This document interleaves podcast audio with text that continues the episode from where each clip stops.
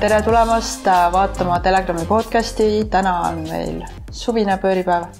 ja meie külaliseks täna on äh, Keiu Roosimägi ja Kristina Amor. tere. tere, tere.. Keiu on siis nagu see päevastaar. sa oled jurist, sa oled Helpifiku asutaja, samuti kaks tuhat kakskümmend aastal sinust sai Eesti Naisjuristide Liidu aupresident ja sa siis seisad puuetega inimeste ja eriti just puuetega naiste õiguste eest.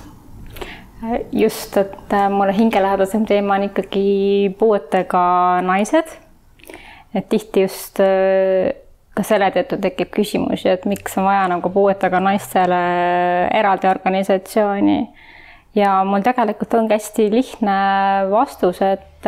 et kui me tahame jõuda võrdsuseni ühiskonnas et siis me peame nagu likvideerima kõik selle, mis tegelikult täna ei võimalda naiste ja meeste võrdsust ja isegi võrdsust, kui me räägime puuetega meestest või puuetega naistest, et et puuetega naised on kolm korda rohkem perevägivalla ohvrid. Nad on vägistamise ohvrid, eriti intellektipuudega naised, nad on inimkaubanduse ohvrid, et ähm, et on mõni üksik puudega mees, kes on vägistamise ohver või siis noh, perevägivalla ohver, et ähm, et, et see, see ongi see vastus, et kui me suudame ühiskonnas teatud sellised kriitilised elemendid ära likvideerida, siis, äh, siis me saame aru, et mis see tegelikult see võrdsus võrdsus tähendab ja miks just on vaja puuetega naiste õiguste organisatsiooni, et et kusjuures tegelikult puuetega mehed ka tihti küsivad, noh, et mis mõttes, et me oleme ju, me oleme ju kõik võrdsed ja me oleme ju kõik puudega, et et, et mis asja te seal teete, aga et kui tegelikult süüvida sellesse, et, et meil ühiskonnas ei ole mehed ja naised võrdsed ja tegelikult ei ole võrdsust ka puuetega meeste ja puuetega naiste seas, et ähm, siis see on teema, millega tuleb tegelikult äh, tõhusamalt äh, tegutseda mm. -hmm et just sellel teemal praegu ongi teil käimas fotonäitus, nagu ma aru saan, naine. Äh, praegu on ettevalmistusperiood ja just, just te teete pilte, on ju mm. -hmm. just. ja et äh, Kristina, sina oledki äh, siis selle fotonäituse koordinaator ja samuti Helpificuse projektijuht ja naljaga pooleks või ka tõsisemalt, sa oled Keiu abistaja, isiklik abistaja. jaa mitte ametlikult, aga niivõrd, niivõrd kuivõrd, et ta tegelikult, Kristjan on minu nii-öelda parem käsi, et mm, -hmm. et me teeme neid äh, projekte koos ja me oleme nüüd paar aastat koos. Äh, juba rohkem kui paar aastat tegelikult oleme, juba tuleb. teravad nurgad maha lihvinud ja Kristjana on nii-öelda suutnud ära tõestada, et tema on just see isik, kes kes saab neid tegevusi jätkata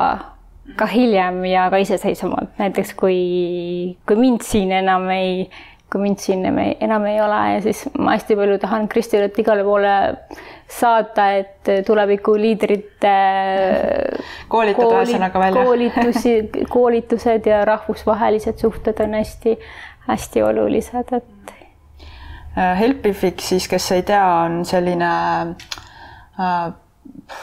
platvorm, mis ühendab abistajaid ja abivajajaid. abivajajaid just siis pigem puudega inimesi, kes vajavad abi mis iganes päevaste toimetustega või ühekordselt või, või korduvalt või. ja üha rohkem tegelikult ka me abistame eakaid, et praegu on meil käsil ka äh, või ühesõnaga, me oleme osa ühest suurest projektist Vabatahtlikud seltsilised, mis toimub üle Eesti ja Helpifix ja siis, ja siis mina oleme Tallinna koordinaatoriks, viime kokku siis erivajadusega inimesed ja eakad nende inimestega, kes soovivad abistada mhm. vabatahtlikkuse alusel. see on hästi äge projekt, ma just ma hakkasin mõtlema, et, et äh, kas see hakkas umbes kaks tuhat viisteist või? Helpific. ja jah, ütleme kaks tuhat viisteist ja kaks tuhat neliteist lõpp isegi, et aga selle seltsilise projektiga on äh, noh, miks, miks seda vaja on, siis? Meie ühiskonnas on ähm, eakatel noh, väga palju tegelikult vaimse tervise probleeme, et üksinduse probleeme, et noh, vähemalt kakskümmend viis protsenti eakatest tegelikult kannatab üksinduse, ärevushäirete, erinevate vaimse tervise häirete all ja neil ei ole sellist äh, tugivõrgustikku, paljudel võib-olla ei ole lähedasi või, või neil ei ole lähedastega head suhted või need lähedased elavad kuskil väga kaugel, et ja nad tihti võivadki istuda nädalate viisi korteris ja maanduda, et meie ühiskonnas nagu eakas olemine, see ei ole nagu midagi väärtuslikku, et see vist eriti selle koroonakriisiga süvenes, on ju, et? ja koroonakriisi ajal jah, see veel süvenes, et et nemad tahavad ju ka tegelikult väga palju jagada ja neil on jagada ja nad on tohutult rõõmsad, et kui neil on iganädalaselt inimene, kes käib nende juures ja nad saavad koos ühiselt Äh, tegevusi ette võtta, aga mitte siis ainult noh, tegevusi, aga ka sellised elementaarsed äh, toimingud, et kui on vaja näiteks minna arsti juurde või taastusravisse või, või siis äh, sellised muud elementaarsed asjaajamised, et ja tegelikult mina olen ka täheldanud, et kui inimesel on lapsed või lapselapsed, et ega tegelikult pereliikmed ei jõua väga tihti eaka inimese juurde. ja nad on kõik jutud ära kuulnud juba ega nad ei viitsi ka enam kuulata. aga eakas ikkagi tahaks ju jagada oma elukogemust, rääkida oma, oma igapäevaelust. Ja selleks ongi muidugi vabatahtlik seltsiline ka kõige parem, et ta on nagu noh, võib-olla selline värske tuuleiil tegelikult, kes tuleb eaka juurde ja, ja jah, jaksab panustada. Et ma alati ütlen, et tegelikult seltsi, jah, et seltsiline on, kuidas ma ütlen, võib-olla natuke selline mõnes mõttes väljapääs ka argist, argisest äh, igapäevaelust et jah, mhm. et jah, et meie ühiskond elab nagu sellises äh, kiirustamises, et meil ei ole oma lähedaste jaoks äh, aega, et ah ema, jälle sa hakkad seda juttu kuula, kuula, noh rääkima ja ma pean seda kuulama ja siis sa jälle jutustad ja jutustad ja räägid sellest, aga selle eaka inimese jaoks noh, see teema võib olla väga-väga tähtis, et ta vajab seda ärakuulamist ja enda, enda jagamist, enda kogemuste ja mõtete jagamist mm. -hmm, kindlasti, ma lihtsalt e, enda pere pealt vaatan, et äh, meil on ka üks vanem sugulane, kelle jaoks esimene laine mõjus hästi šokeerivalt ja pärast seda ta ei suudagi olla ühtegi päeva üksi, ehk siis iga päev keegi meie perest või meie suguvõsast käib tema juures ja käib temaga jalutamas. ja see on nüüd olnud niimoodi juba poolteist aastat. ja kuigi see nagu mingis mõttes on koormav, siis teisest küljest see on ka hästi tore aga ma mõtlen, et noh, meil on vedanud, et meil on nagu selline pere, kel, kes saab niisugust asja võimaldada, on ju, aga samas ongi inimesi, kes, kelle jaoks võib-olla mõjuski sama šokeerivalt ja kes on ikka veel üksi. ja et see pidev tugivõrgustik tegelikult ümber on hästi tähtis, sest äh, kõik vaimse tervise häired sellises äh, isolatsioonis või et noh, kui kasvõi sinu oma lastel ei ole äh, sinu jaoks piisavalt aega, need kõik äh, võimenduvad ja kui meil on sellised projektid, siis tegelikult äh, see on ka tegelikult noh, riigile soodsam, et, et kui ravida hiljem kõikvõimalikke vaimse tervise häired, kui meil tegelikult nagunii spetsialistide puudus on tohutult suur, et et pigem see on ka selline ennetustegevus, et nad teatud auku üldse ei, ei langekski, et kus pärast on nagu võib-olla väga raske äh, välja saada ja, ja leida spetsialiste, kes siis tegelikult suudaks äh, töötada mm. -hmm. räägiks natukene sellest äh, nais, äh, naiste fotonäitusest, et millele see täpsemalt keskendub, ma saan aru, ma tean, et sinust on tehtud sinu pilte, väga ägedaid, natuke noh, ja oled jaganud neid backstage fotosid, aga tegelikult seal ka osa näitusest keskendub inimkaubandusele mm. -hmm. et jah, et see on üks osa meie kogu sellest suurest projektist, et mis kestab kaks aastat ja mida rahastas seal on vist erinevad töötoad. avatud aga... Eesti fond, et põhitegevused on ähm, üle-eestilise küsitluse läbiviimine, selline sotsioloogiline uuring, et mida siis tegelikult äh, üldse puudega naised ise nagu endast Äh, arvavad, kuidas nad ennast selles ühiskonnas äh, tunnevad äh, ja sealt käivad läbi küsitlustes teatud teemad, et me ei kogu neid andmeid, mis tegelikult täna riigil on olemas, et noh, et kas sa töötad ja ja kui palju sa vajad isiklikku abistajat, aga just selline sotsioloogiline uuring, et kuivõrd palju puudega naine tunneb ennast selles ühiskonnas väärtuslikuna, kuivõrd palju ta võrdleb ennast puudeta äh, Äh, naisega ja kõik sellised ähm,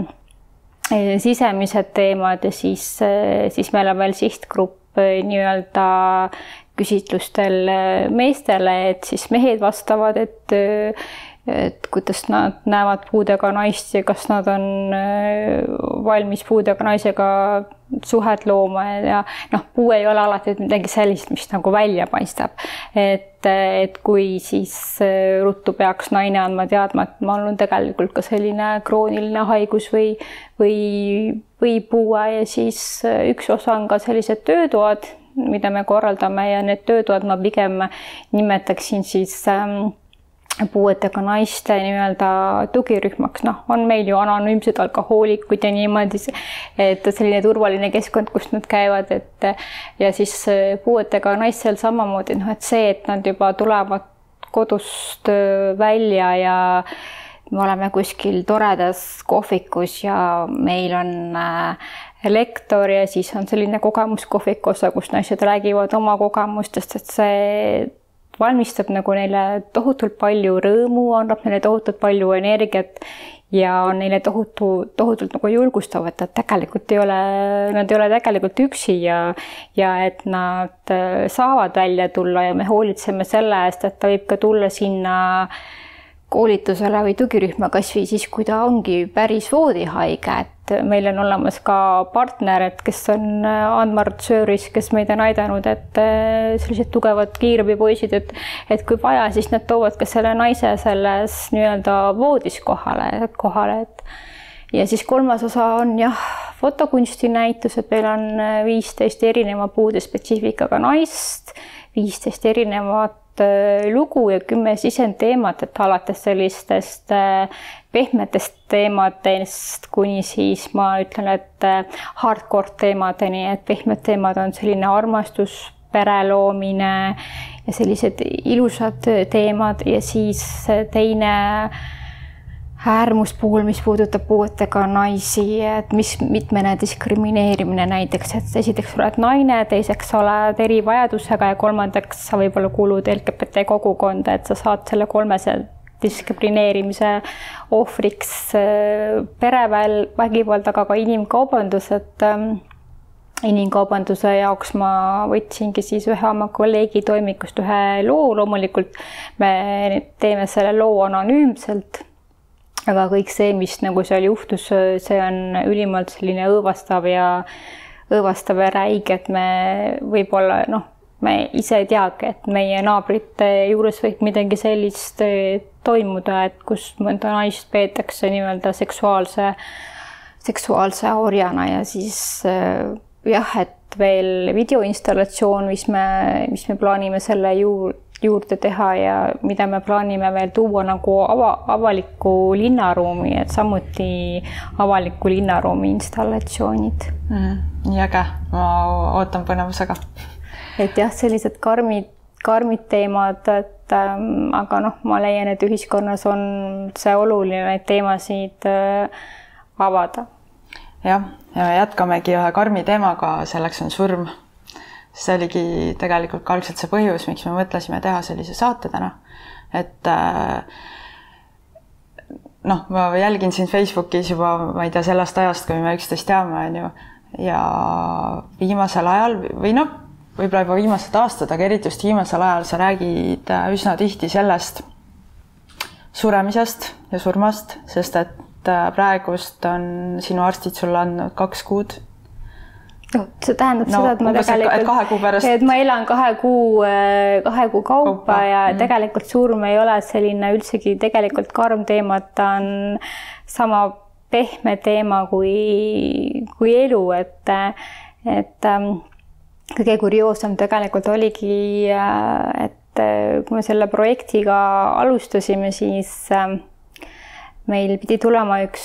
rinnavähi diagnoosiga naine, aga ta nagu kadus ära ja ei võtnud ühendust. aga samal ajal ma sain ise nagu vähidiagnoosi. et see on nagu eriti nagu selline oli kurioosne juhtum või noh, ma praegu ei leiagi seda sõna, et noh, et siis, et noh, okei okay,, et siis ma võtan selle rolli siis äh, enda kanda, et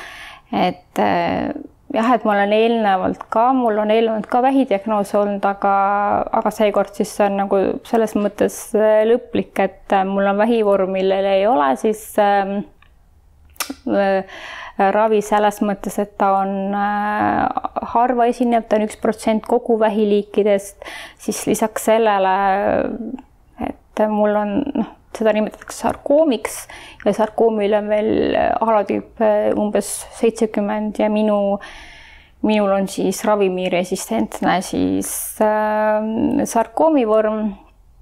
et äh, mind ei saa opereerida, et noh, ta on ümber sel-, ümber selgroo, et oluline on, kõige tähtsam on see, et millele hoida pöialt, et ta ei liiguks nagu selja-aju kanali suunas mm et mida saab äh, teha, et noh, et kui opereerida ei saa, ei saa kiiritust teha ja saab teha teatud äh, keemiaravi, et ta teatud hetkel hoiab seda agressiivset ähm, äh, tuumorit mingi aja nagu kontrolli all, aga noh, et kui kaua ta suudab seda kontrolli all hoida, et siis ongi iga kahe kuu tagant on siis selline, et sul elad nagu kahekuuliste etappide kaupa sa oled öelnud, et äh, sinu äh, ravimikapp on iga narkomaani unistus et kui palju sa erinevaid tablette pead päeva jooksul äh, võtma, et sa saaksid eksisteerida võimalikult valuvabalt ja rõõmsalt? noh, eile ma tegin taotlust Ravimiametile, kuna ma lähen äh, kahe nädala pärast reisile ja mul on tõesti seal nii-öelda narkootilised ained, mis ma pean kaasa võtma, et, et kõik kokku, mis ma nagu kasutan, sõltuvalt noh, see tuleb ka sellest, et, et mul oli enne juba diagnoositud neurofibromatoos ja mida ma pean kasutama ja kõik, mis on, mis selle haigusega kaasneb, et alates võib-olla silmarõhu ravimitest ja nii edasi, et ma vist lugesin kokku kaheksateist ravimit ja saatsin selle nimekirja siis Terviseametisse, et et igaks juhuks, et kui ma seda turvakontrolli läbin, et noh, et siis ma ei ole mingisugune äh, narkomuul, narkomuul või viin need kellelegi edasi. Aga see ravimikapp on jah, suhteliselt Äh, suur ja noh, loomulikult ma ei kasuta kõiki neid ravimeid äh, igapäevaselt, ma kasutan neid vastavalt vajadusele. aga on mingid ravimid, mida ma kasutan iga päev ja need siis tegelikult võimaldavad mul selle aja, mis mul nagu on äh, elada jäänud siis elada üsnagi kvaliteetselt ja tegutseda, et loomulikult minu energia tase ei ole enam sama, mis ta oli nagu enne diagnoosi saamist. Ja, ja kui ma tegin vahepeal kuus äh, keemiaravi, äh, kõige kangema keemiaravimiga, mis meil äh, üks on, et on doksurobitsiin, mida nimetatakse siis Red Deviliks tegelikult, et ongi selline puu punases pakendis ravim, et, et tema võtab nagu ära teatud hetkeks selle, need valud, et sa ei pea neid valuvaigisteid nagu üldse kasutama, aga noh, nüüd on nagu jah, valud on tagasi, aga siiski see on parem kui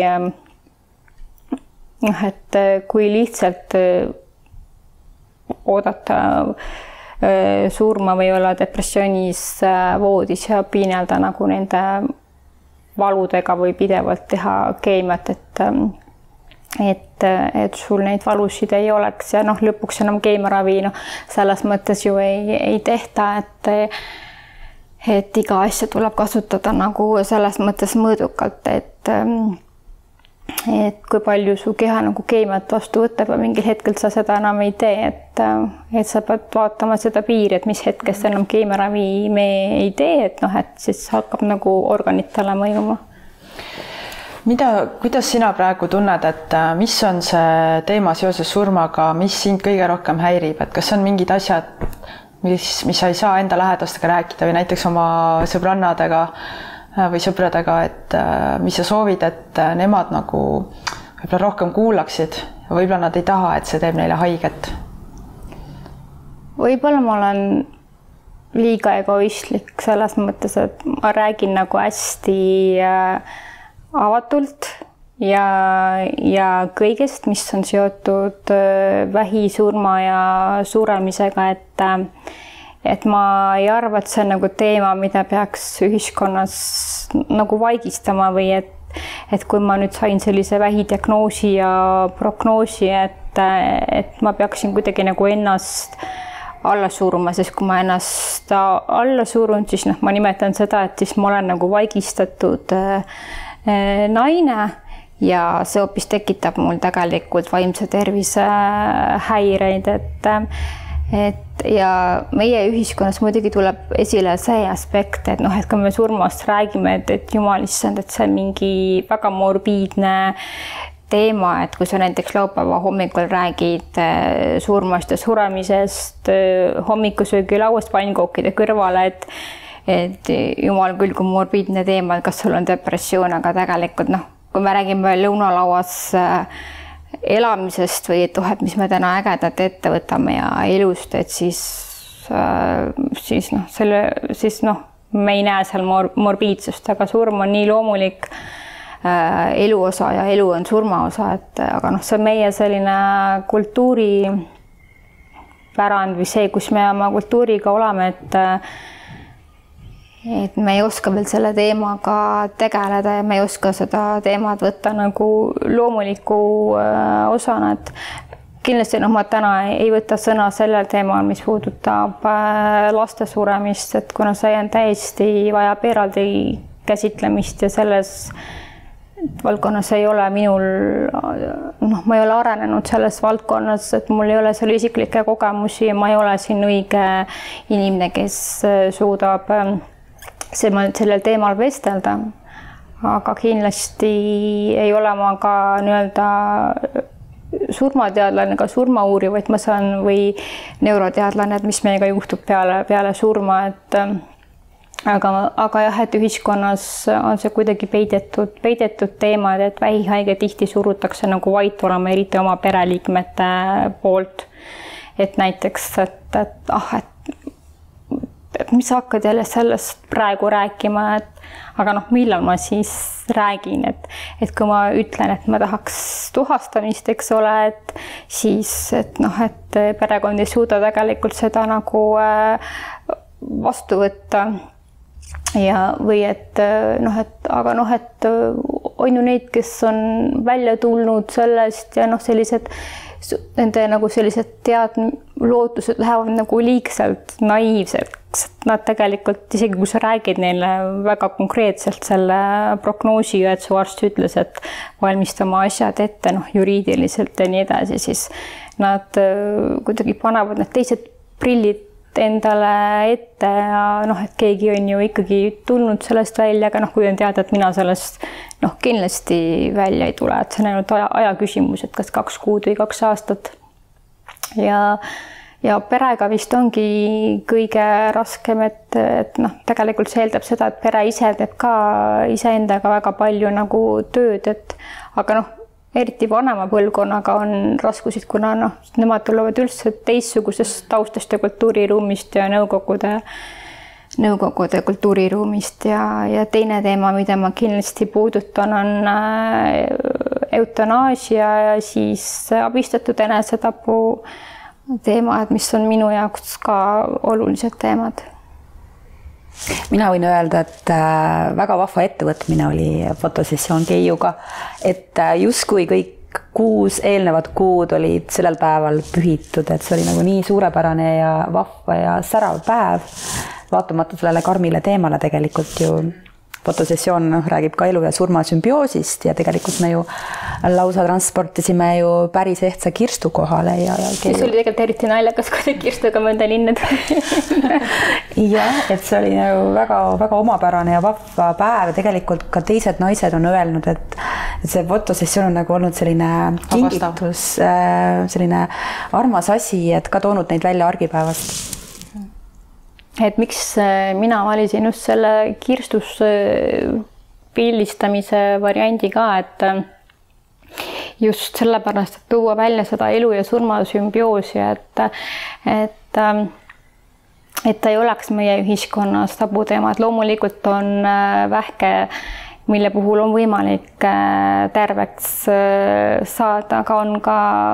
vähivorme, millest, millest sa ei tule välja ja ja loomulikult mul algul, kui see noh, see plaan oli, et teeme minuga siis need kirstufotod ja elu ja surma sümbioos ja kõik, kõik see, noh, et meil tuleb fotokunstinäitus, et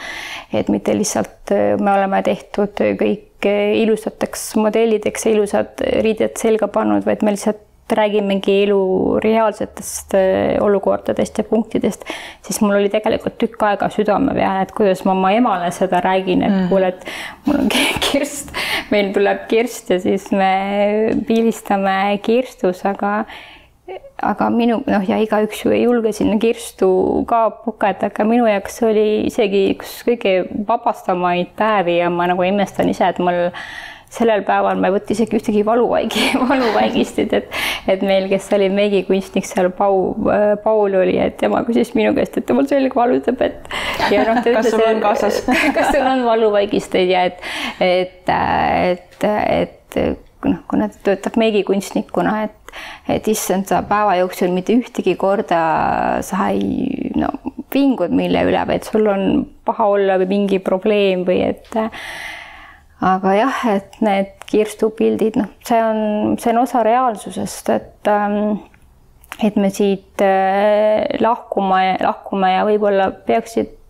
paljud inimesed proovima, et äh, tunnetada ära selle surma või enda piire ja katsetada, et nad võib-olla proovivad seda kogemuse mõttes, et mis tunne on siis seal kirstus, kirstus olla, et võib-olla see on teraapia, teatud teraapia vorm, et, et sa saad rohkem mingitest äh, hirmudest äh, üle, aga tegelikult Kristina ütles ilusti ka, et nagu elu võit surma üle, et ähm, et mulle jäi nagu see, see meelde. väga ilus, lõpetakski selle ilusa tooniga ma panen siia video alla kõik lingid, et inimesed saaksid tutvuda sinu tööga, et selle projektiga, et nad saaksid ennast kurssi viia, kui nad soovivad ise osaleda. Äh, muidugi, kui äh, tahate olla abistaja, siis Helpifiku lehelt leiate inimesi, keda saate abistada suur tänu vaatamast ja saame siis surmaga sõbraks, et need inimesed, kes surevad, ei oleks nii üksi ja et et nad tunneksid, et see on täiesti normaalne, sest surm ongi normaalne eluosa ja kui ma võin ühe asja veel öelda, siis tegelikult, äh, mida ma hiljuti panin tähele, et kui meil praegu Ukraina sõda käib, et siis inimesed on äh, endast äh, noh, tohutult väljas, mis on ka tegelikult loomulik. aga kui näiteks sureb inimene su kõrval, siis nad tihti seda nagu ei panegi tähele